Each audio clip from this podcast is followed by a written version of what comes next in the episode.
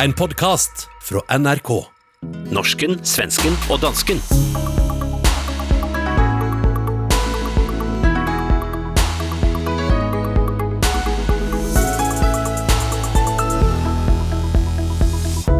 Dansk kloakk driver igjen ut i Øresund. Norske VG feirer 75 år med å pimpe opp grillfavorittene. Og statsepidemiolog Anders Tegnell sætter blomsterkransen på hovedet og sommerprater på SR. Da vet man at det nærmer sig ferietid i nord.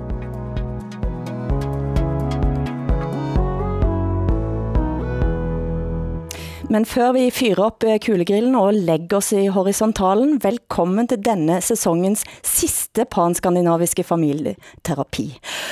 Og vi er altså tilbage i studio for første gang siden nedlukking og ute skinne solen. Vi er ikke længere i kælderlejligheter, men i DR-byen er Hassan Preisler, Åsa Linderborg i SR, og mitt navn er Hilde Sandvik, NRK i Bergen. Og Åsa, hvordan var det at ta sig ut i de sommerhete Stockholmsgatene i dag? Nej, men jag hatar den här sommaren. Jag tycker otroligt illa om värmen och man blir svettig och ful och arg. Jag är lika arg som alla andra gamla kvinnor nu som jag träffar på i Stockholm överallt. Altså, ja, det må du si noget om. Vad, vad sker? Nej, men jag har på kort tid eh, hamnat i bråk i affärer med eh, äldre damer som tycker att jag står för nära trots att jag stod där först. Och så kommer de och skäller. Och det känns som att ett uppdämt raseri som väldigt många äldre kvinnor har burit på i många, många år eftersom ingen bryr sig om äldre kvinnor. Att de plötsligt i kraft av corona kan få skälla ut folk hur som helst. Eh, och en av dem som blivit utskälld tre gånger på kort tid är är jag. Eh, och nu undrar jag om jag är tillräckligt gammal för att börja skälla själv på folk. Altså, jeg, Är man det om man är 52 år?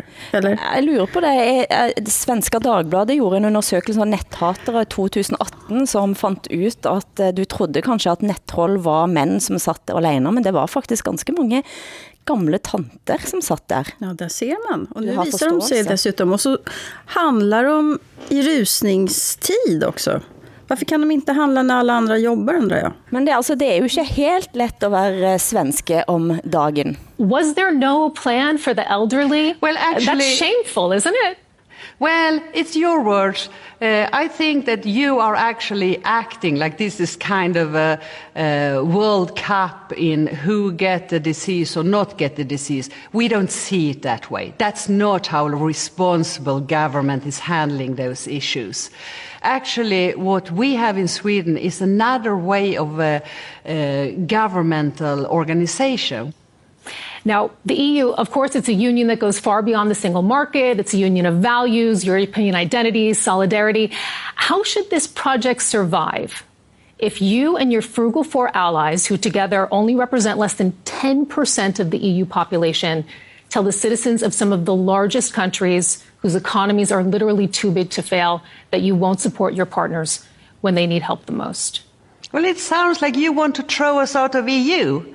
Dette var altså et klipp eh, med utenriksminister Ann Linde i intervju med Deutsche Welles Conflict Zone. Også det har skabt reaktioner. Jeg ser Ulf Kristersson skriver på sin Facebook-vægg at det var krævende intervju, men at du var altså eh, arrogant og selvtilstrækkelig. Hvad, hvad er det for et sprog, hun taler? Et slags eh, svensk-engelsk. Var det engelsk?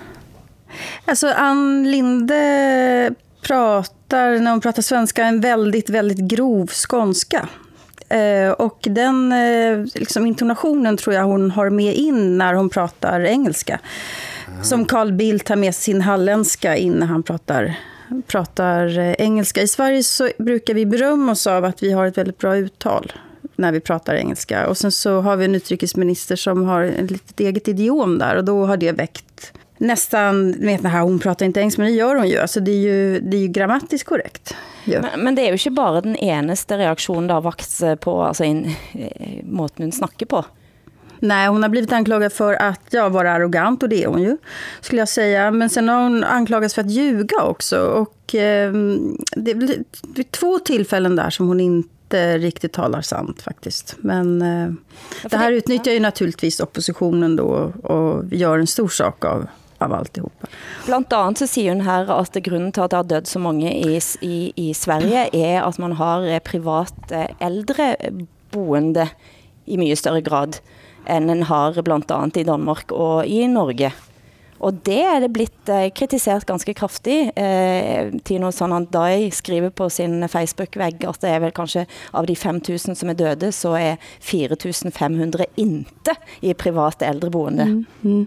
Ja, nej, jag tror att den stora skillnaden mellan Sverige och andra och er andra, det är att vi har så många timanställda snarare. Och det finns det både kommunala och det privata. Men hon har ju också blivit anklagad för att hon säger att vi har masstester i Sverige och att man får göra det fritt och gratis och så. Men det är bara i Stockholm som det är så och det är alldeles nyligen. Och jag har äntligen då beställt tid själv för coronatester. Det var faktiskt väldigt enkelt att göra. Men eh, det var inte heller riktigt sant det hon sa.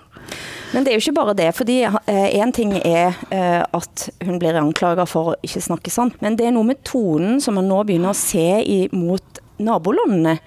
Altså, både i Financial Times og i New York Times så blir Anne Linde citert på at man er ganske besviken over at man nu har stängt grænsen mot Sverige, som om mm. det er oss andre, det er noget i vejen med, og mm. ikke Sverige. Nej, men så är det. Hon har en, en uh, arrogant ton gentemot uh, grannländerna och en, en total oförståelse för att andra länder kan fundera över vilken väg Sverige har valt. Är detta blivit uppmärksam på i, i Danmark, Kassan? Nej.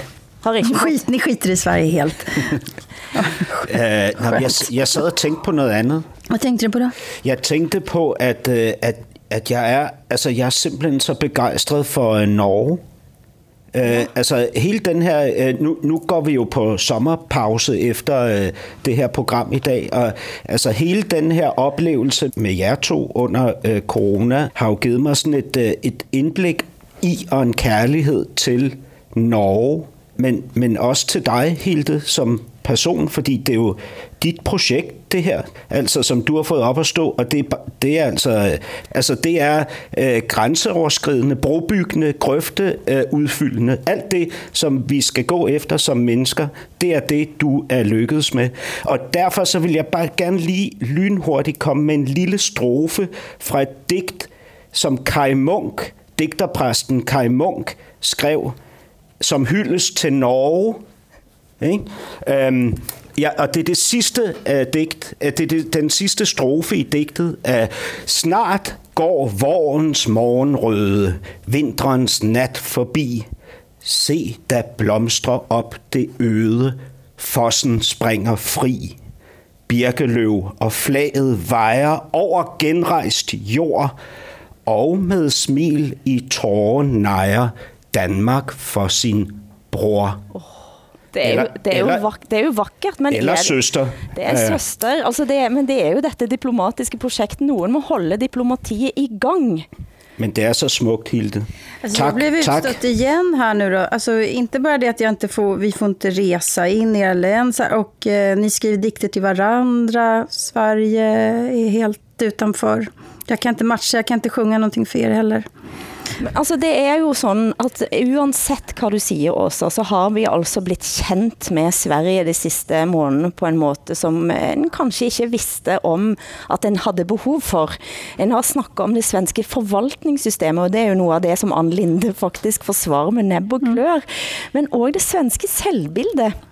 Her forklart av Gina Gustafsson, docent i statskunskap, skribent i Dagens Nyheter på TV4 Nyhetsmorgon. Eh, I början var svenskarnas stöd till Folkhälsomyndigheten och regeringen högt men eh, i takt med stigande dödsfall har också förtroendet börjat svikta. Mm, faktiskt i eh, DN idag så presenterar man en DN Ipsos-undersökning som visar att det är ett fallande förtroende både för eh, politiker och eh, tjänstemän med för den delen. Vi ska prata om eh, det här förtroendet, men kanske framförallt den här självbilden vi har då i samband med coronapandemin. Välkommen Gina Gustafsson, docent i statsvetenskap, kolumnist på DN. Då. Ja, för att, veta om självbilden har förändrats så måste vi veta också vad vi utgår ifrån. Gina, vad säger du? Hur ser vi svenskar på oss själva? Det är ju eh, kompetens och inte kultur som vi är stolta över.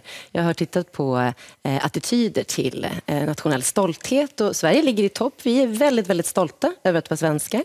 Men vi är mindre stolta än många andra över vårt kulturarv eller vår historia.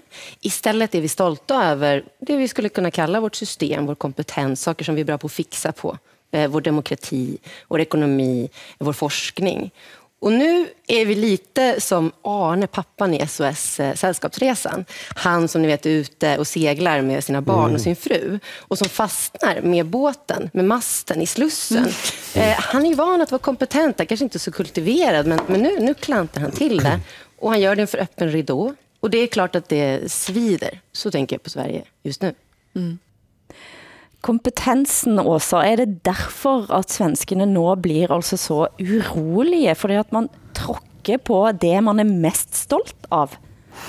Ja, det tror jeg. Vi har en självbild i Sverige av att vi är otroligt rationella.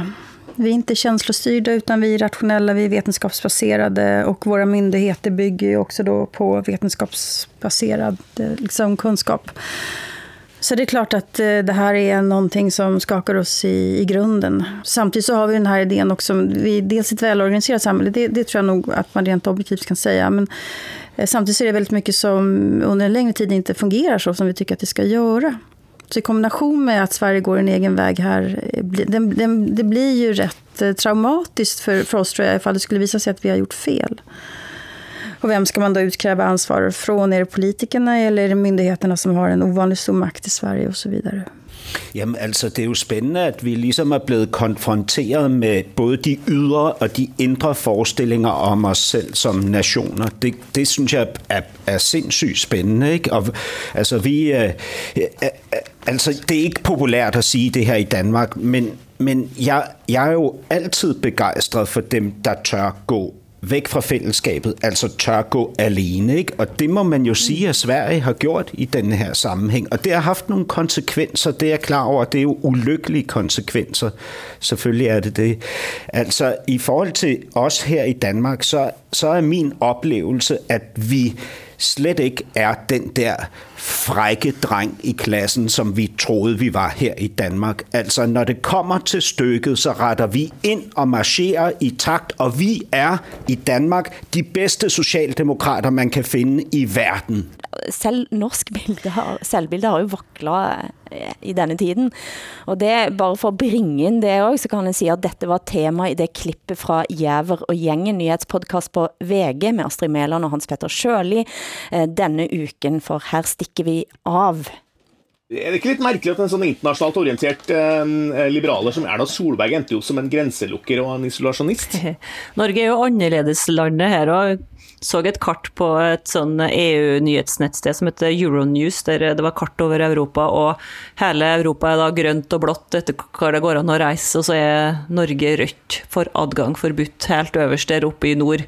En, eh, en lege som skrev et innlegg for oss i VG som het for eh, Radek Fritsch, og han, han mente at han sa at Norge da var i ferd med å ende opp som en slags sånn europeisk Nord-Korea i sommer. Hvorfor er, hvorfor er, vi sånn? Er, vi, er det sånn at vi tror at smitten er så mye verre der ute, de har ikke kontroll der ute, bare vi her hjemme i Norge som har liksom, eh, orden i sysakene? Ja, du vet, nede i sør der med de gærningene, de har jo så rare penger og vet ikke hva med. Nei da, det er eh, særlig EU som i det siste, det har jo gått ganske fort her, ikke sant? De har i det siste jobba, EU-kommisjonen har jobba for å få en felles uh, grenseåpning 1. juli. Og det ser ut som de lykkes med noe. Danskene var jo først på lag med oss å ha åpning eh, kun mot Norden, og sa nei til svenskene og ha felles kriterier med Norge. Eh, er det derfor du liker oss Hassan, at vi begynner å nærme oss Nordkorea? Øh, nej, jeg ved, jeg, det, det er meget mere... Kom, altså, kærlighed er en kompleks størrelse, så jeg kan ikke svare så enkelt på det. Det er mere en fornemmelse end noget, end noget reelt praktisk. Prøv at høre, vi, ja, vores tre nationer bølger jo frem og tilbage og op og ned, og det kommer vi til at gøre øh, noget tid endnu, og så ender vi sikkert sådan nogenlunde det samme sted alligevel, vil jeg tro, lige om lidt. Ikke? Øh, alle sammen, så vi øh, modererer os jo øh, kollektivt. Ikke? Og jeg er jo ikke kun kritisk over for den her ensretningsevne, vi har her i Danmark, altså hvor vi ligesom både fra regeringsside og, fra, og i, i folkesjælen bruger udskamningen som redskab. Altså, jeg er jo også begejstret for det, fordi det beviser jo, at vi er i stand til ligesom at tilpasse os en ydre fare. Ikke? Og hvis nu, at det skulle komme til på et tidspunkt, Gud forbyde det, at der skulle opstå krig, så vil vi jo i, Dan, i, i, i hver, vores nation være ekstremt godt rustet til ligesom at stå sammen i, i, øhm, imod den ydre fjende. Men jag tänker, eh, Sverige har gått en egen väg, så är det. Men internt i Sverige så har det ju varit en massiv total uppslutning kring, kring den här linjen. Så där finns det ju faktiskt knappt något kritiskt tänkande eller så. Så, var det ju, så har det ju varit under flera andra situationer också, metoo till exempel, som vi har pratat om. Och vi har ett exempel här i Sverige och det är en tysk journalist mm. som ställt väldigt o, alltså, eh, obekväma frågor på, på Tegnells presskonferenser. Och han får hela tiden höra, eh, då, alltså han får artiklar mot sig i Sverige och vad konstig han är, han ställer en kritisk fråga. Ja, han blir kallad för tysken. Han blir kallad för tysken, ja. Vilken konstig kille ställer kritiska frågor. Ja. Men ingen har imidlertid fått den berømmelsen som statsepidemiolog Anders Tegnell, som denne uken altså nådde helt til tops i det svenske adelskapet som sommerprater på Sveriges Radio P1. Og det har skabt reaktioner, men også i Danmark har det fått opmærksomhed, og hør her fra Dansk Radio. Hvem er det, vi hører her? Stadsepidemiolog Anders Tegnell, øh, som jo var en nærmest ukendt tjenestemand. The one and only, ja. men nu er blevet en kendis, ikke bare i Sverige, men over hele verden. Og han taler altså i det, der hedder Sommerprat, som er sådan et meget populær øh, svensk øh, sommerprogram, hvor øh, kendis, altså folk, der er kendte og folk, der er halvkendte, de, har, de får en time, og så snakker de om alt muligt fra deres barndom til, hvad de laver, og så vælger de noget musik. Som sommergæsten som ja, så, Exakt, det ja. har jeg faktisk selv været med til en gang. ja. øh, og, og han bruger det så til, øh, ja, han snakker også om sin barndom. Og ja, ja, vi skal høre lidt flere klip her undervejs, men velkommen, du er Dahlov, professor emeritus ved statskundskab på Stockholms Universitet. Øh, nu har du lige beskrevet det her sommer på P1 som en institution nærmest i Sverige, ikke? og samtidig med, at han altså sidder der, så er der jo det seneste døgn registreret yderligere 48 døde med coronavirus i Sverige. Lad os lige høre et uh, klip mere, hvor Tegnell fortæller, at han blev overrasket af verdens lande lukket ned. Det var nemlig ifølge ham stik imod 20 års praksis inden for sygdomsbekæmpelse. Men då var det som om världen blev galen och allt det vi hade diskuterat verkade helt bortglömt. Land efter land stängde sina gränser och stängde ner sina samhällen totalt. Då var det som verden blev galen, säger Anders Tegnell. Men altså, før, før vi snakker om denne sommerpraten og sommerprater generelt også, kan du forklare dette med denne kransen? Att få göra ett sånt här sommarprogram där man, alltså, man pratar och spelar sin favoritmusik. Eh, det är det närmaste adlad man kan bli nu för tiden. Så det är otroligt ärofyllt att få göra det där. Och på den presskonferensen när alla sommarpratare presenteras så får man en sån här blomsterkrans också eh, runt håret och, eh, eller på huvudet. Och det blir ju nästan som att han blir en sån här Sankt, Sankt eh, Tegnell, nästan en sån han ser. Han ser sig helt eh, komfortabel ut, eller nej, gör han det? Nej, det gör han nog inte. Har, har du varit sommarprater? Naturligtvis. 2007. 2007, och hvordan gick det? Nej, men det, är, det är jätte, jätteroligt. Det är fantastiskt lyxigt att få göra ett sånt där program. Vilken reaktioner har denna för sommarpraten där skapt? Ja, ja, dels ska han alltså få prata, men sen också att han faktiskt ju säger att eh, alltså, världen blev galen. Vi gjorde bara vad vi trodde att alla andra skulle göra, men han erkänner ju också ett par felbeslut där. Också. Men ganska vagt vill jag säga. Jag har hört, Väldigt vagt. Eh, och han är, det är en också stor självrättfärdighet eh, i mm. Tegnell här. Men jag tror man kan nog inte riktigt förstå utslaget av, eh, eller av eh, coronatalen i Sverige om man inte förstår hur den svenska sjukvården ser ut och äldreomsorgen. Det, det är faktiskt skillnad på Sverige och Norge och Danmark här. Mm. Hassan, har du sommerpratet?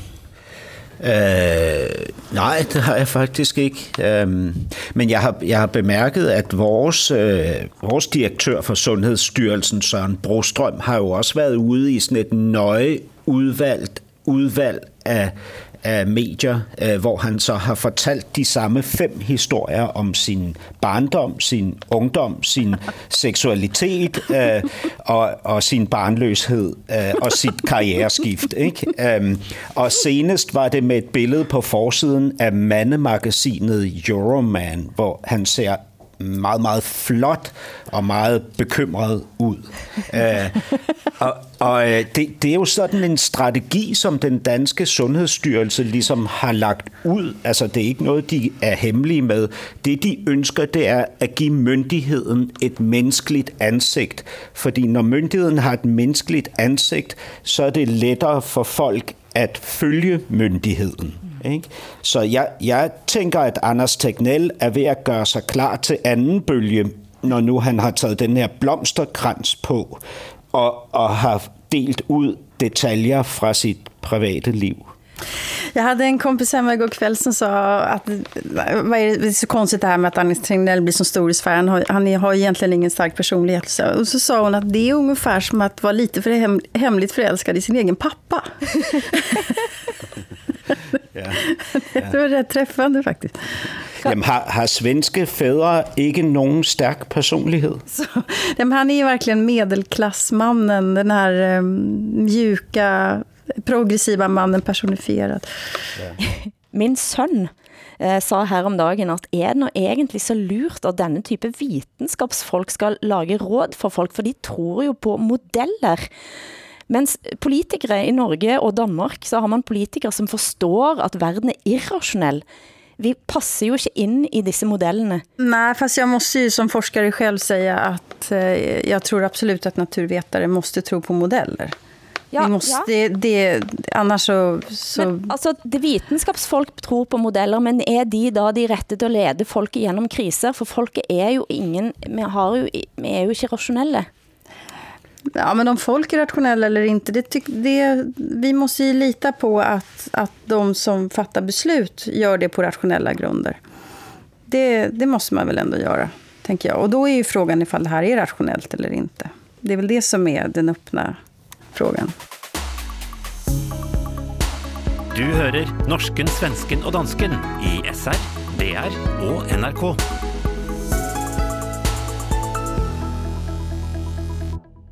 Mens eh, Jimmy Åkesson eh, i Sverigedemokraterne sable med, rasle med sablene, så sliter altså Sverigedemokraternes søsterparti Dansk Folkeparti i øjeblikket. I Danmark så er det et helt andet parti, som nu er i færd med, for at citere norske politikeren Jan P. Syse, stjæle DF's klær, mens de var ute og bader. Hør her. En helt ny meningsmåling fra Opinion giver anledning til vidt forskellige reaktioner fra henholdsvis Dansk Folkeparti og Nye Borgerlige. Sidstnævntes leder, Pernille Vermund, kan glæde sig over, at partiet næsten får en fordobling i forhold til den seneste måling fra 3,1 procent af stemmerne til 5,8. Det er jo dejligt. Altså, det er jo en pæn fremgang, som i virkeligheden spænder meget godt i tråd med den fremgang, vi kan se i målinger frem til nu. Fra valget og frem til nu har vi haft en stødt opadgående kurve, og det er jo dejligt. Hos Dansk Folkeparti er det knapt så dejligt. Her må gruppeformand Peter Skårup øh, konstatere, at partiet får den dårligste måling, siden Opinion begyndte at måle for DR tilbage i 2008. Dansk Folkeparti får 6,8 procent af stemmerne mod 8,3 i seneste måling fra april. Den er selvfølgelig ikke god, den måling. Jeg synes heller ikke, det er så overraskende i at for sig lige nu fordi øh, vi har været så uforsigtige og diskutere nogle af vores interne forhold i medierne. Øh, og der må man sige, hvis man som parti vasker sit øh, beskidte øh, tøj øh, udendørs, så øh, ser det ikke altid særlig godt ud. Og det kan godt få en konsekvens i de her målinger, og det tror jeg, det er det, der er sket. Dette var for DR morgen, altså her på DR, og Hassan han siger, at man har altså vasket de beskidte tøj utendørs. Hvad er det, han tænker på der? Nå, men der har været nogle, øh, nogle lokalråd og lokale formænd, som har klaget over, at øh, partiet er så topstyret, som det er. Altså, jeg, jeg ved ikke, om det er det, der er det egentlige problem. Altså, jeg, jeg, jeg, tror, man skal, jeg tror, man skal lidt længere tilbage for at forstå, hvornår det begyndte at gå galt for Dansk Folkeparti. Altså, der var selvfølgelig uh, det tidspunkt, hvor Socialdemokratiet kuppede Dansk Folkepartis dagsorden i forhold til de ældre medborgere Socialdemokratiet kom med et forslag om ret til tidlig pension for nedslidte danskere. Øh, og det ramte Dansk Folkeparti hårdt. Ikke? To uger efter, der dalede deres tilslutning markant. Men, men jeg, jeg tror faktisk, det handler om, at Dansk Folkeparti blev uden at være gået i regeringen, et meget magtfuldt og sidenhen magtfuldkomment parti. Øh, og den her magtfuldkommenhed, den gav sig udtryk i, at de følte i partiet, at de kunne gøre nogle bestemte ting. For eksempel gennemtrumfe en motorvej et sted i Jylland, hvor det lignede, at det var noget, der ligesom var til fordel for en dansk folkeparti-politiker derovre. Og det samme med en letbane øh, i Aarhus, altså en, sådan en sporvejsforbindelse. Ikke? Og så øh, måske også lukningen af Radio 24 7, ikke, som jo oprindeligt var et dansk folkeparti-projekt. Øh, ikke? Så jeg, jeg tror, de blev ramt af den boomerang, der altid rammer, når man kaster sit storhedsvandvid ud i verden. Ikke? Og så har vi så nye borgerlige lige nu, ikke? som står som den der opkomling, altså det friske pust fra højre, øh, som i den grad øh, markerer sig som den oprørsbevægelse, som Dansk Folkeparti for mange år siden var. Ikke? Altså man kan simpelthen mærke på de her øh, nye borgerlige politikere i parlamentet, når de taler, at de taler fra, fra en oprørsfornemmelse, som de selv har. Ikke? At de står og siger det, som ingen andre tør sige. Ikke? Hvem er Pernille Vermund? Kan du sige nogle ord om henne, som er nu også partileder for Nye Borgerlige? Ja, altså Pernille Vermund er sådan, jamen altså hun er på en eller anden besynderlig måde sådan en lidt anarkistisk type ude på den der højrefløj, som ellers ofte er meget pæn og konservativ. Ikke? Altså, hun er øh, lyshåret og har store bryster og bader nøgen i Øresund og så videre. Ikke? Og så deltager hun i sådan programmer, hvor hun udfordrer det der øh, meget stereotyp konservativ billede, vi har af den yderste højrefløj, hvor hun kysser med Jonathan Spang, en kendt vært fra, øh, fra Danmarks Radio. Og i, øh, i mit, da hun var gæst i mit program, fortalte hun, at hun også kan blive meget seksuelt tiltrukket af sine veninder. Ikke? To dage efter stod der på forsiden af BT, øh, Pernille Vermund, jeg er også lesbisk. Ikke? Altså, og, så, og så er hun, øh, så er hun, så er hun så gift med, med en af Danmarks rigeste mænd, øh, milliardæren Lars Tvede, ikke? som primært holder, øh, hænger ud i, i Schweiz, hvor han har sin mansion. Ikke? Det er bare en sammensat størrelse ikke? Af, af noget helt anderledes än jag har sett för i hvert fall. Det är jätteintressant, men eh, hon är alltså gift med en av Danmarks rikaste män och det, det ligger henne inte i fatet. Det är inte ett problem för henne, utan det är en tillgång alltså. Ja, men det är som om, att hon framstår uafhängig af det. Hvis jeg skal være helt ærlig, helt ærlig, nu, nu ser jeg noget, som jeg har tænkt, men som jeg ikke har noget bevis for, ikke? så tænker man udefra, jeg tænker, at hun bestemmer derhjemme, og derfor er hun ikke afhængig af ham og hans penge. Altså han kan ikke diktere hende noget som helst, fordi det er hende, der har magten i den dobbeltseng. Ikke?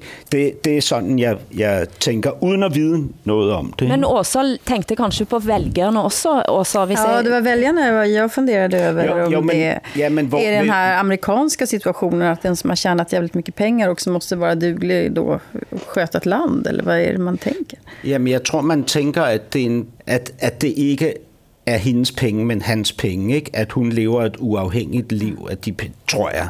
Nej, jeg ved, jeg ved det faktisk ikke, men det ligger hende ikke til last. Ikke der, hvor hun står lige nu, i hvert fald. Ja. Nej, for Jimmy Åkesson og Sverigedemokraterne i øjeblikket prøver nå at liksom sætte foten ind i dørene av misnøjen, som kanske ligger boble under overflaten nå i Sverige. Ja, alltså det är ju väldigt många på vänsterkanten som har trott under corona här att nu är Sverigedemokraternas tid förbi. Det tror inte jag, utan den här eh, prislappen för corona måste betalas och arbetslösheten kommer att bli väldigt stor. Och eh, vi vet redan nu att även tjänstemän kommer att bli arbetslösa. De kommer förlora sina jobb, de kommer förlora sin status. Och det, det är då det blir farligt på riktigt. Eh, och det kommer de att utnyttja. Det, det ligger i korten redan nu. Men, men de der stemmer ude på den yderste højrefløj i Danmark i hvert fald, de er jo ikke så centrale. De centrale stemmer, det er jo dem, der bevæger sig frem og tilbage mellem Dansk Folkeparti og Socialdemokratiet. Ikke? Det er jo de stemmer, der er afgørende. Og så længe vi har et ikke-idealistisk socialdemokrati, som vi har i dag, altså et hyperpragmatisk socialdemokrati, ikke? så vil øh, Dansk Folkeparti være truet, fordi det socialdemokrati, vi har i dag, er både i stand til og villige til at stille sig lige præcis der, hvor de kan genvinde alle de socialdemokratiske øh, stemmer, som de i sin tid mistede til Dansk Folkeparti. Men det sker også andre ting i dansk politik om dagen. Venstres Nasser Kader blev frikendt for krænkende uttalelser mod Skandinavias første kvindelige imam, Sherin Kankan. Her er et utdrag fra TED Talk som er holdt i Lausanne i fjor. Everything starts in the family. When I was a young girl, my father, who is a feminist and a political refugee from Syria, used to say, the perfect man is a woman. The quotation descends from Ibn Arabi, who's one of the great reformators within the Islamic Sufi tradition, the spiritual path in Islam. Ibn Arabi lived from 1165 until 1240, and he challenged patriarchal structures and gave a rereading of traditional interpretations of gender. The quotation is a part of my poetic childhood memory, and it's, it inspired me in my activism, which is to fight female suppressive structures in the secular sphere and in the religious sphere. Ja, hun høres jo interessant ut. Eh, Hvad gik søgsmålet ut på, Hassan? Jamen altså, Nasser Carter har øh, rejst en række anklager mod Shirin Khan Khan, øh, som leder af Exit-cirklen. Uh, hun modtog en... Og hvad er Exit-cirklen? Exit-cirklen, jamen det er sådan et program for unge mennesker, der ønsker at forlade uh, fundamentalistiske strukturer og blive en del af det danske samfund. Ikke? Uh, og der var så en puljebevilling på godt næsten 700.000 danske kroner, som de som uh, Nasser Carter sammen med to andre politikere forsøgte at stoppe. Og det gjorde han med en e-mail, han rundsendte, hvor han beskyldte Sherin for at forsvare stening og piskeslag som straf for utroskab. Altså, han anklager hende jo for øh, selv at være islamist, øh, at han fortid som radikal islamist, øh, en sort islamistisk fortid og et islamistisk generalieblad. Og hun har så øh, sagsøgt stævnet Nasser Carter, de to andre politikere for injurier. Og det, for, fortal, som det heter på svensk. Mm. Det er de så altså meget for nylig blevet frikendt i forholdet til. Det skyldes til dels ikke fuldstændigt, men til dels skyldes det den parlamentariske immunitet, at de er blevet frikendt. Ikke? Øhm, Får jag fråga, har ni parlamentarisk immunitet i, i Norge, i Danmark? Nej, men der er ligesom... Hvad betyder det? Jamen, det betyder, at du som parlamentariker har lidt mere plads til at sige ting, så længe det er en del af din parlamentariske aktivitet. Ikke? Det betyder selvfølgelig ikke, at du må krænke andre mennesker, men du må gerne udtrykke dig, hvad hedder det, i forhold til, til din politiske agenda. Og det er der større øh, frihed til, end der er øh, ellers. Ikke? Men, men, det, men det hele skyldes jo ikke, altså hele frikendelsen skyldes ikke den parlamentariske immunitet. Det skyldes øh, forskellige ting, som er blevet vurderet af retten. Ikke? Jag tycker det, men vi har ju, Sverige har ju väl kanske världens vidaste yttrandefrihetslagstiftning, men jag tycker det låter väldigt konstigt att parlamentariker skulle ha en annan, eh, andra rättigheter än vad andra danskar har. Jag har aldrig hört något liknande, faktiskt var intressant. Mm. Ja. Altså det, det man jo kan sige, det er, at når hun, for, altså Sherin Khan Khan har øh, tidligere talt for sharia-lov. Hun har så måske en anden analyse af, hvad sharia mm. betyder, end man normalt har. Men det, at hun har talt for sharia-lov, giver måske en eller anden form for retfærdiggørelse i forhold til, at sige, at hun har en fortid som radikal islamist. Det är ganska det, det grova anklagelser skulle jag ändå säga. Jag förstår om hon vill ha saken prövad. Altså, ja, er det det? Ja, ja, det er garanteret helt vildt grove anklager. Selvfølgelig er det det. Jeg, jeg synes, det... Øh, altså, det, det, det bliver jo ligesom sådan, hvad kan man sige, sådan en, nogle forudsigelige debatter, ikke? Som, som på forhånd keder mig, undervejs keder de mig, og hen mod slutningen keder de mig også, ikke? Fordi positionerne er præetableret, ikke? Og det, det, som jeg ser det som, ikke? Og det står fuldstændig for min egen regning, det er det her samme gamle game, hvor man som repræsentant for minoritetsbefolkningen slås om sandheden. Mm. Altså, der er ingen plads til hvad hedder det, pluralisme inden for minoritetsmiljøer. Ikke? Altså, hver gang du siger noget, som som nogle andre føler krænker dem, fordi tilhører den samme gruppe, som du gør, etniske gruppe, så skal du stå til regnskab for det. Ikke? Og jeg vil ønske, at vi kunne blive bedre til ligesom at acceptere pluralismen inden for mindre miljøer også, ikke? fordi det bliver et fængsel. Altså, vi har, vi har fået en ny, fantastisk debattør på Berlingske Tidene. Nu siger jeg vi, fordi øh, jeg mener vi her i Danmark. Hun hedder Aminata Amanda Kor. Hun har lige haft en klumme her forleden dag, hvor hun beskriver, hvordan det er at være sort i Danmark. Ikke? Og hun siger, at det at være sort i Danmark betyder, at du skal mene det samme som alle de andre sorte. Du skal føle det samme som alle de andre sorte, og det skal føre til de samme konklusioner, som kommer fra alle andre sorte mennesker i Danmark. Ikke? Og det er derfor, når, når vi ligesom træder ind i de her debatter, så har jeg simpelthen så svært ved at koncentrere mig, fordi jeg synes, det handler om noget andet, end det man foregiver. Ikke? Det handler om kampen om magten inden for minoritetsmiljøet. Ikke? Du vil være den, der repræsenterer. Men nu er det jo ikke bare minoritetsmiljøer. I den sidste saken fra Norge, så er det altså en professor i psykologi, eh, som nu har altså fått mundkurv, fordi han eh, kom med en tysk vits i sin forelæsning. Han eh, om eh, tyske bobilturister, og så sa han, tyskerne har været her før, underforstået i krigen. Og det var nok til at skabe krænkelse, så det kan jo virke som at denne krænkelses og de her bevægelserne, hvad man kan sige, ikke sige, det er ikke etter hvert bare klassisk minoritetstænkning. Altså. Hvem blev krænkt? Eh, tysk, tyske studenter. Ja. Altså prøv at høre, man, man, altså, man bliver jo kaldt alle mulige ting, ikke? Altså det mest krænkende, man ville kunne kalde mig, det er socialdemokrat. Det skal vi aldrig nogensinde kalde dig, Hassan. Jag kan tänka mig värre grejer faktiskt. Du hører norsken, svensken og dansken i SR, DR og NRK. Denne uken faldt dommen i en av de mest spektakulære retssakene i norsk politihistorie.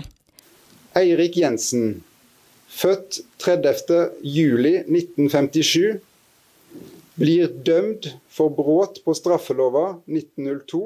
Seks år etter at han ble pågrepet på politihuset på Grønland i Oslo, har Eirik Jensen fått sin dom. Til ei straff av fengsel i 21 år. En av Oslo-politiets mest profilerte politimenn de siste 20 årene er altså dømt for grov korrupsjon, og for å ha vært med å innføre flere tonn med hasj til Norge. Vi har veldig få tilfeller av vaskeekte gammeldags korrupsjon. Hva vil denne dommen bety for politiet nå? Dette var altså fra Aftenpostens podcast Forklart, og også har dere lignende eksempler fra Sverige på korrupt politi? Ja, vi har flera exempel också där poliser har brottsprovocerat, alltså man har provocerat fram andra människor att begå brott. Och det är väldigt kontroversiellt naturligtvis och olagligt. På vilken måte? Alltså vilken typ? Ja, han handlar, nu kommer jag inte, och det är så väldigt många turer och väldigt detaljerat, men det handlar om knark eh, varje gång. Men eh, det här i Norge tycker jag är spännande, för det var, var det 23 år? 21 år. 21, det är enormt många år i fängelse. Som... Maxstraff. Ja. Det är lika länge som Anders Bering Breivik. Alltså hvis man ska sätta det i perspektiv här. Men de exempel som vi har i Sverige, där har vi diskuterat om, om poliserna har gjort det med chefernas goda minne. Och så har det ju varit hittills i de fallen som har varit uppmärksammade i Sverige. Att cheferna har, att de har sagt nej, vi hade inte med det här att göra, vi visste ingenting. Och så visar det sig att det visst var sanktionerat. Men hur är det i det här fallet? Har han agerat helt på egen hand eller är det en korruption som går uppåt i Nej, altså i han graden? har haft en ganske vesentlig plads i norsk politi på den måten at han havde et stort netværk av kilder, eh, og det var de såkaldt gode gamle dagene der politiet kunne eh, holde på eh, på en litt annen, mer sånn shady, shady måte, men fremdeles så er, altså vannet blir delt i hvorvidt man tror på Gjermund Kappelen eller man tror på Erik Jensen, og det er en stor gjeng med mennesker som vil eh, slåss med nebb og klør eh, for at eh, han har betydt så mye for politiet og for eh, en, eh, altså oppklaring av narkokriminalitet. Men det er jo noe der da, at man ikke kan egentlig se at eh, de meldingene eller de beskjedene han har fått fra Gjermund Kappelen faktisk har ført til noen pågripelse. Mm. Så eh, foreløpig så kjennes det som at det er mye i den historien som ikke er fortalt. Vi ser fram emot Netflix-serien sen. Vi får... Men i motsetning til. Hassan Preisler, som da sitter her og er overhovedet ikke opptatt av true crime, jeg må bare spørre deg, Han sitter och ser väldigt ointresserad Ja, ut, kan vi säga. totalt. Har Ja. sovnet. Eh, men annat nu. du, på vegne av norsken, svensken og dansken, så følger du jo fremdeles denne Hagen-saken med milliardæren, og, og hva er siste nytt der? Alltså, måste säga, alltså, min fäbless för, för just det där, den där händelsen det är ju att det finns en spänning när en miljonär eh, gör någonting sånt där. Det är liksom man får ta ut eh, eh, hela hatet mot klassamhället i just det där. Vad är det som gör att brittiska krimserier, att det är så ofta överklassen som är de onda? Det är för att vi har ett folkligt behov av det. Och jag har ett folkligt behov av det här kan jag säga. Men det som väl det senaste här är väl att polisen säger att de har hittat eh, skilsmässopapper tror jag i, i det här huset. Jag tycker att det är så intressant att se VG som, jag jobbar på Aftonbladet och VG är ju våran systertidning, men hur de verkligen samarbetar med polisen här. Polisen släpper ut det de vill till VG och VG publicerar. Jag tycker väl, eh, jag vet ju inte hur det här, här går till och jag, vem är jag att döma dem, men, men ehm, det ser lite konstigt ut tycker jag från en journalistisk point of view. Då ska man väl vara, liksom, behandla allting kritiskt, tänker jag. Men de har alltså exklusivt material som de får, får från polisen. Och jag förstår att man vill göra så eftersom alla medier har samma nyheter inom loppet av 10 sekunder. Så ah, kampen om att försöka hitta det exklusiva materialet, det förstår jag rent publicistiskt. Men det är lite knepigt det här tycker jag. Det var en hygglig gratulationshilsen för dig, som i denna uken och VG då alltså fyller 75 år, och min Facebook-feed är fyllt upp av eh, meldinger fra VG-journalister som gratulerer sig selv. Ja, ja, men jag vill också gratulera. Hipp, hipp, hurra, hurra, hurra, hurra. Eh, och det är möjligt att jag pratar skit här i flera minuter nu, men ja. I saken mot Erik Jensen så koker det altså ned til vittnemålet til en stor hasjsmugler, som altså nå får strafferabatt fordi han snakker. I skarp kontrast til en anden sak, som har fått masse omtale i Danmark den sidste uken. En voldtægtssag, som også har blitt eh, en TV 2-dokumentar. Og eh, Hassan, kan du forklare saken for oss? Ja, altså, øhm, der er de her to personer, som begge to er fra kommunikationsbranchen, og de her, øh, de her to mennesker har så haft den her øh, situation mellem sig, hvor hun anklager ham for voldtægt af sig selv en, øh, en sen aften, hvor de drikker noget rosévin, og hun skal overnatte i hans hjem. Der kommer han ind til hende, og de har øh, sex sammen, og ifølge ham er det frivilligt, ifølge hende er det voldtægt. Han bliver så frikendt for to år siden, men på grund af den, hvad kan man sige, jeg- ved ikke, hvad, hvad for nogle ord, jeg ligesom skal bruge for at beskrive det, men den, den øh, folkedomstol, øh, der efterfølgende har været, så mener han, at der er blevet begået et karaktermord mod ham, fordi der har været en masse debattører, der har insisteret på at fortsætte med at kalde det her for en voldtægt, på trods af, at han er blevet frikendt. Og det er så endt med, at han er gået frem i en TV2-dokumentar og i et Facebook-opslag, som er blevet kommenteret og delt utrolig mange gange, og har sagt, at han er ikke krænker, han er offer. Og de sidder så over for hinanden, de her to personer, Kirstine Holst og Jon Kielberg. De afviser begge to, at man kunne være i tvivl om, hvad der skete den nat. En af os er en bedrager, siger Kirstine Holst. Vi kan høre et lite klip eh, fra det faktiske møte, når de sætter sig ned på TV2. Jeg vil gerne have, at det stopper nu. Hvad er det, der skal stoppe, Jon? Det skal stoppe med, at du bliver med at hentyde til en sag, som aldrig har været. Men Jon, det forsvinder jo ikke. Nej, det kan jeg Det, høre. det lever det, det, kan, jeg, hver det kan jeg godt høre. eneste dag inde i mig. Og det er det, jeg prøver at fortælle dig. Den eneste måde, der kan komme en slutning på det her på, det er, at du tager dit ansvar på dig. Vi tager begge to Jeg vores ved sgu ansvar. da godt, at man ikke må tilstå voldtægt i det her land, Jon. Jeg ved godt, hvor meget skam, der er forbundet med det. Men du har lagt skammen over på mig, fordi du ikke vil stå ved det, du har gjort. Og du skal tage den tilbage, for det er ikke min, det er din. Jeg mener det. Jeg ved ikke, hvad jeg skal tage tilbage. Det, det, er, det, det er jeg rigtig ked af. Jeg ved ikke, hvad jeg skal tage tilbage, Christine. Det ved jeg faktisk ikke. Ja, det er et ganske stærkt og følelsesladd møte mellem eh, disse to Ja. på kamera. Ja, det är, när jag lyssnar, det är så otroligt sorgligt. Och jag, de här två personerna kommer ju, det är en dödsdans tillsammans. De kommer, som kommer definiera dem för resten av deras liv. De, deras namn kommer alltid att vara sammankopplade med varandra. Det är, det är hemskt. Eh, I Sverige så, den här, den här situationen som kvinnan beskriver, den, den är väldigt lika den som eh, eh, Jean-Claude Arnault-historien, han fälldes för det. Ut, utan, att, utan att jag värderar den domen, den kan man diskutera, men eh, i Sverige hade han blivit dömd. Ja, og det er jo altså det der, det der bliver øh, desværre ikke kun for jurister, men for, altså for alle, der ligesom skal vurdere det her, det er jo, at man bliver nødt til at gøre op i forhold til sig selv og beslutte, hvilket syn man vil have på retsstatens principper. Altså, det er det afgørende, ikke? Når en dom har frikendt et menneske, er det menneske så frikendt reelt eller ikke? Altså, det er jo den beslutning, man et eller andet sted er nødt til at træffe, ikke? Og det, det er jo frygtelige beslutninger at skulle træffe. Altså, det, det er jo et stort ubehag.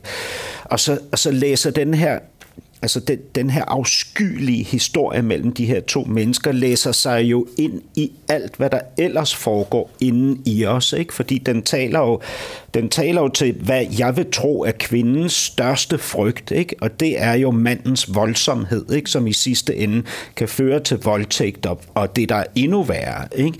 Øh, og, og, og samtidig taler den også ind i mandens største frygt, ikke? og det er jo at blive misforstået, at blive fejlfortolket i sine signaler, at, at blive øh, stemplet og udstødt som et frygteligt menneske ved en fejl eller ved, ved spekulation og ondskab. Og jeg siger ikke, hun spekulerer og er ond. Jeg siger bare, hvad det taler ind i, i, i mænds følelser. Ikke? Det taler ind i en redsel. Ikke?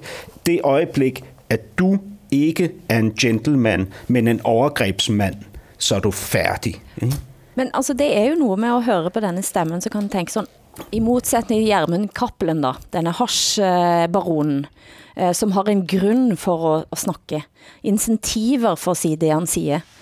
Her er det en kvinde som fortæller sin egen historie, som ikke blir trodd. Men jag, jag, jag tycker att det är jättesvårt att diskutera ett enskilt fall. Mm. Det är, ingen av oss var där och ingen av oss vet vad som hände. Eh, Men vad vi vet från metoo-hösten där att Eh, det finns ett väldigt stort uppdämt behov hos kvinnor att, att berätta om vad de har varit med om. Men vi vet också att det finns kvinnor som kan ljuga. Mm. Och det finns eh, sanningar som faktiskt ligger mittemellan alltihopa därför att det är olika tolkningar. Och, och om man pratar om samtycke, för nu vet jag ju då att i Danmark så vill man då införa en samtyckeslag. Och det, vi har ju en i Sverige som, är, som var väldigt kritiserad av, av jurister. De avrådde ju från det där. Eh, därför att det blir sånt fokus på kvinnan. Jaha, du lyfte på skärten. Hur många centimeter lyfte du på skärten när han drog av dig trosorna? Jaha, och så vidare. Samtycke är ju en process. Mm.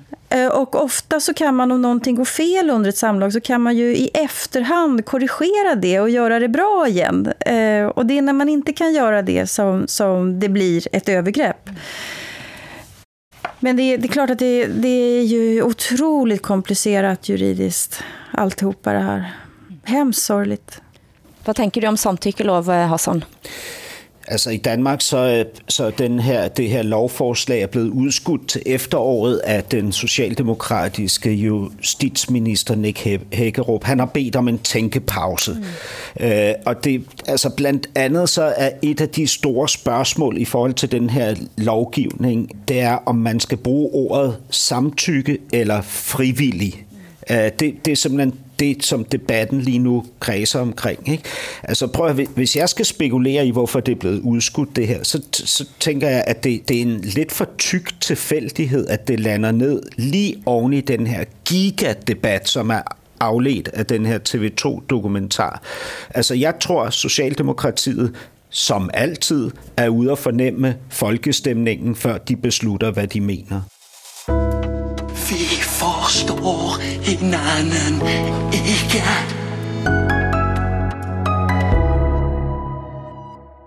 Det er jo ikke bare diplomatisk krise eh, mellem eh, ministre, men de store strømmegigantene prøver at skabe splittelse mellem oss med at dubbe skandinavisk språk til engelsk. Her har vi klippet sammen en norsk og en svensk-danske version av eh, Ragnarok, som da altså kommer på engelsk hør her. Det føles som at alt har forandret sig efter at det kom til Edda. Have I become invincible? Her det skjedde. Den sidste kampen mellem gudene og The Giants. The Giants are still here. Det er ingen som har taget op kampen mot dem. Yet.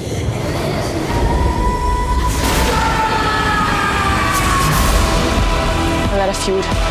Most of the girls are obsessed with him. Vi er enige om at det ikke har vært en som hang på tusen år. The wolves eat the lamb. Ikke som beskytter dem. You should not underestimate him.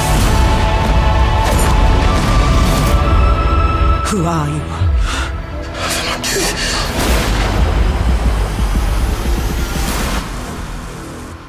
Altså som nestleder i Foreningen Norden, så får dette til med at se rødt, hvitt, blått og lidt gult. Eh, hvad skal man sige? Det er for jævligt, faktisk. Det er meget, det er meget dovent, ikke? Altså, det, det, er, det er slasket. Altså, det er sådan, øh, jamen, at det er det bedste, vi kan præstere øh, imellem hinanden. Det er, at, vi skal, at det skal dobbes. Altså, det, det er jo helt tosset. Synes I ikke det? Altså, jeg brugte en halv episode av Kalifat for faktisk at finde ut at jeg kunne skru bort den her forfærdelige engelske talen. Men det jeg lurer på er, hvis norsken, svensken og dansken skulle dubbes, Hvem skal dubbe dig også? Åh oh, gud, så svårt. Ja, men jag skulle nog vilja att någon, som, någon vacker sångröst dubbar mig. Eh, Nina Simone eller Rita Franklin eller så. Nu är de döda. Så att, och svarta dessutom. Det kanske blir helt fel i, i identitetspolitiken i Sverige. Men jag tror att jag väljer... Det är ju en form för blackfacing. ja, precis. Så, så, exakt, så det går inte.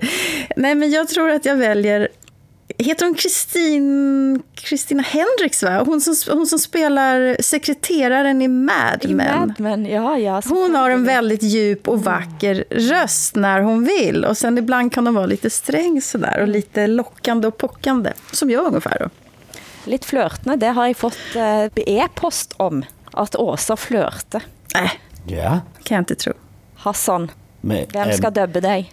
Det skal Sean Connery. Fantasilöst det altså. Nej, helt klart, han skal doppe mig. Jeg vil gerne tale med den accent og på den måde med de der sådan s'er, som lyder sådan her. Jeg havde tænkt mere, at du kunne kanskje været Martin Freeman fra The Office. Men prøv høre, jeg er faktisk, øh, Simpson, hva? der er faktisk mange, der har sagt til mig, at jeg ligner skuespilleren Colin Farrell. Kan I, kan I se det? Altså, Ja. man kan google Col- Colin Farrell. Ja, men man- kanske lite faktiskt. Ja, der er også nogen, der siger, at jeg ligner Frida Kahlo. Nej. Jo, det er fordi, jeg har sammenvokset øjenbryn.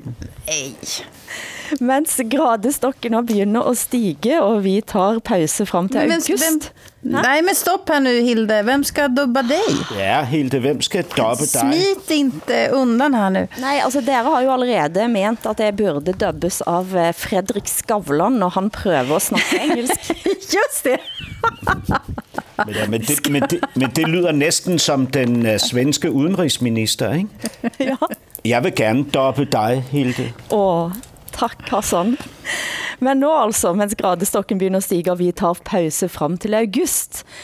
Men vi var så harde med Sverige indledningsvis. Du, Åsa, blev altså citeret i New York Times fra forrige ukes sending om at du længter efter oss, mm. men at vi ikke længter efter dig. Nej, just det. Jag känner ju det tydligt. Men altså, Åsa, vi længte. Vi længte, og her er vår hyldest fra norsken og dansken. DR's pikekor og Kira, Kira Skov med en version av den svenske nationalhymnen Hvem kan segla for utan vind? Den er til dig, Åsa. Tak så Den er til dig. Vi takker for oss. Producent for programmet Henrik Hylland Ulving. I København Hassan Preisler, i Stockholm Åsa Linderborg. Mitt navn er Hilde Sandvik, og vi er tilbage udubba til høsten. Kan sejle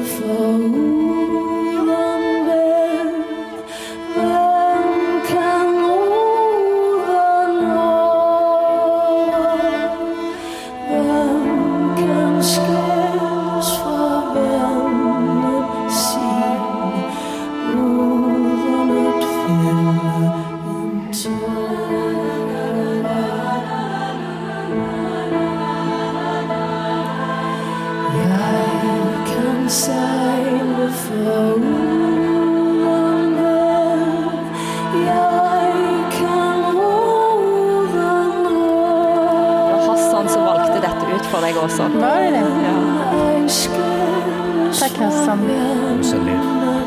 Det er min fornøjelse.